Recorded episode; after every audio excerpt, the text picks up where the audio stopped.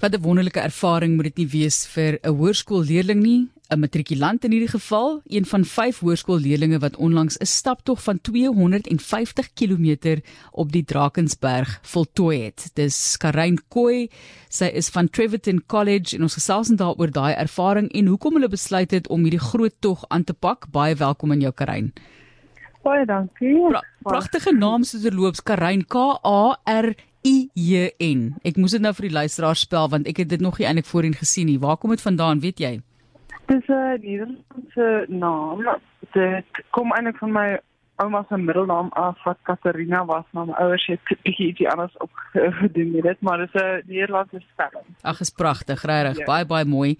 Kom ons praat bietjie oor hoe fiks jy is voor en na die stap tog, voordat ons gesels oor die hoekom daar agter.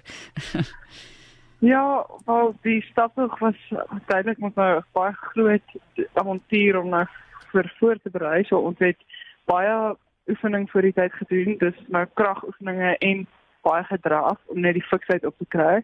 Maar stap is 'n hele ander oefening as draf, moet ek sê. Soos ons was fiks met die drawery, maar as mens stap, dis ja, dis iets wat dis 'n baie ander tipe oefening as net gewone 7 km draf of so. En nou ek het ek moet sê na die stap was ek nogal moeg, so ek het vir iets so 'n week net herstel en niks gedoen nie, maar ek het weer aan die oefen en met die sport by skool en ek hokkie en ek draf met die cross country klub en so. So ek is nog aktief. So vertel vir ons van hierdie roete, wie reël dit en hoekom het jy besluit jy wil daaraan spesifiek deelneem? Wel ons die onderwyser, ons het een onderwyser by die skool gehad wat eintlik die hoof ou was en hy die roete gereël en al daai reëlings getref wat hy ook laas jaar dieselfde trip gedoen.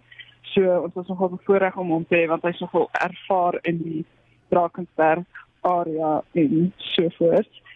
En skiet skiet ek my ons van gesny kan iets sê. Ek ons hoor jou nog al die pad. Dis reg. Jy kan oh, maar voortgaan, ja. Ja nee, en ehm um, wat was die ander deel van die vraag? dit was van net oor die roete en saam met wie jy dit gestap het. Ek kan nie dink dat jy besluit het om met 'n motor tot daar te ry en net te begin stap nie. Daar moet hom seker ook iemand wees dalk met 'n bietjie ervaring om om leiding te neem. Ja ja, ons is baie bevoorreg. Ons het baie onderwysers by ons skool wat baie ervaar is in die berge area. So ons het vier onderwysers van die skool af gehad. Twee wie baie al baie staptogge so goed gedoen het. En dit was dit nog ons vyf leerders. So hulle het vooraf al voorberei en ehm um, die reëlings skryf van die roete en die kos en toe vir ons ook die kaart gegee. So ons het geweet waar ons was So en ons het hulle altyd by ons gehad en hulle het 'n kaart by hulle gehad en 'n GPS en 'n kompas en voort. So ons het dit in al tye gelukkig geweet waar ons is en hulle was baie soos ek gesê het baie ervaar in daai omgewing. Dis 250 km en ons weet natuurlik as jy op 'n berg kom is die omstandighede heeltemal anders. Die klimaat is ook anders wat jy daar ervaar. Vertel ons bietjie van wat jy gevoel het terwyl jy gestap het. Ek jy weet, is daar 'n paadjie? Is dit 'n geklim oor klippe? Wat is die omstandighede?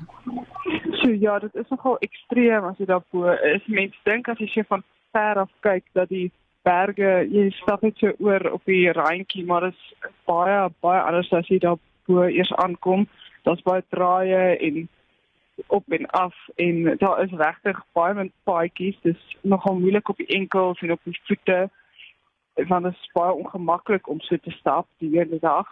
Maar partykeer was daar gelukkig paadjies want daar's mos mense van Lesotho af ons noem hulle besoets wat daar bo bly en hulle skape en bokke en sorg. So van die bietjie paadjies wat hulle partykeer loop, kon ons ook oploop, maar dit, soos ek sê, dis mos so maar eintlik bietjie skaars en dit hang nou af waar jy stap. Dit maak 'n mens baie lus om weer so iets te doen nadat jou bene en jou liggaam herstel het, nê? Wat lief vir jou voorvolgende?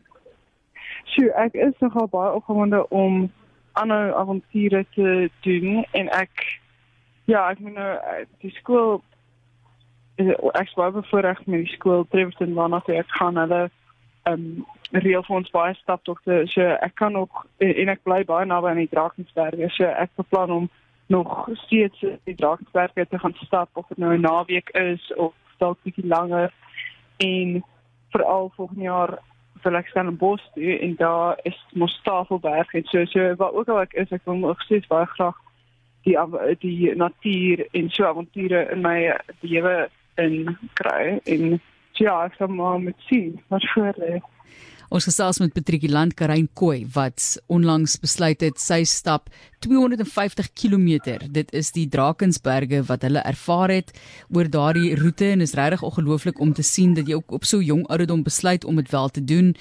En sy's by Treverton College. Ons sê goeiemôre aan die span daar by die college self. Dit word gesien as een van die moeilikste staptogte in Suid-Afrika. Ek weet jy gaan nou nog ervaring opbou. Hoekom dink jy sê hulle so? Ek dink deel van die rede is omdat dit so ver is. 250 km is mos nou 'n so uh route om te doen. En dit is ook in hierdie tog om het om die Drakensberg Grand te vers nou klaar te maak, moet jy vyf van die, die vyf hoogste peaks summit en dit is nou Giants Castle en Mafadi, Tabana en Sinyana so. Maar so, um, wat my groep gedoen het, ons het twee ekstra ready ready peak en cliff peak het ons ook gesamel. So ek dink dit is definitief deel van die weer en ook natuurlik die weer in die Drakensberge is so onvoorstelbaar en kan so ekstreem raak dat dit regtig dis is fisiek dit kan tot gevaarlik wees. So dit is 'n baie lang roete en baie ekstreem, sou ek sê en ook baie van die toppieke wat jy ervaar het? As is seker weer? Ook van die pieke wat jy ervaar het, dit is 5 van die hoogste pieke wat jy ook deurgedraf het by daai berge ja. in daai berge in daai 13 dae in plaas te loops van die verwagte 15 dae, so jy het dit nog vinniger gedoen as wat van julle verwag ja. is. Ja, ons was baie bevoorreg. Ons het mense van die tyd goeie weer gehad alhoewel ons die een dag wat ons die hoogste piek in suiderlike Afrika, Tabana en Sint-Jana gesamel het. Daai dag het ons 'n storm ervaar waar dit so 'n bietjie eh, gehaal het en tot af gesneeu het en die wind was verskriklik erg. Wat het gedink ons gaan daar van die hoogste punt af afwaai. Maar anders as dit het ons was ons baie bevoorreg met sonskyn en droë droë weer. So ons kon ehm um, elke dag bietjie meer push push push 'n paar ekstra kilometer insit en dit was ons bevoorreg genoeg om groot kaats maak. Jy het gesê gaan by Stellenbosch studeer volgende jaar. Wat lê op die spyskaart? Wat gaan jy studeer? Ek beplan op ingenieurswese. Ek het eintlik nog nie teruggehoor nie. Ek het al aansoek gedoen, maar ja, ek wil baie graag daaraan doen. En wat spesifiek wil jy met daai ingenieurswese doen, weet jy al? Bedryf bedryfsingenieurswese, ja. Goed soveel verwagtinge so vroeg vooruit, né? Alhoewel matriek sê hulle mos al deesdae is nou ver ver uh, laat in die dag, maar ons sê vir jou baie dankie dat jy jou ervaring met ons gedeel het. Wat was van die ander uitdagings net voordat ek jou groet wat jy gehad het ook met van die ander mense wat saamgestap het? Jy weet mense is individue. Hulle ervaar dit verskillend. Die een ou draf vinnig, die volgende ou is bietjie stadiger en mense raak krapperig vir mekaar. Hoe was die span gevoel tussen julle? Ja, ag, oor die algemeen het ons eintlik almal baie goed oor die weg gekom. Daar was nooit enige enige bekleierery of enige iets soos dit nie, maar ons het nogal 'n paar siektes gehad. Dus die een ou het sy maag het vreeslik seer geword, maagwerk gehad en die ander ou het sy voet gebrand met kookwater.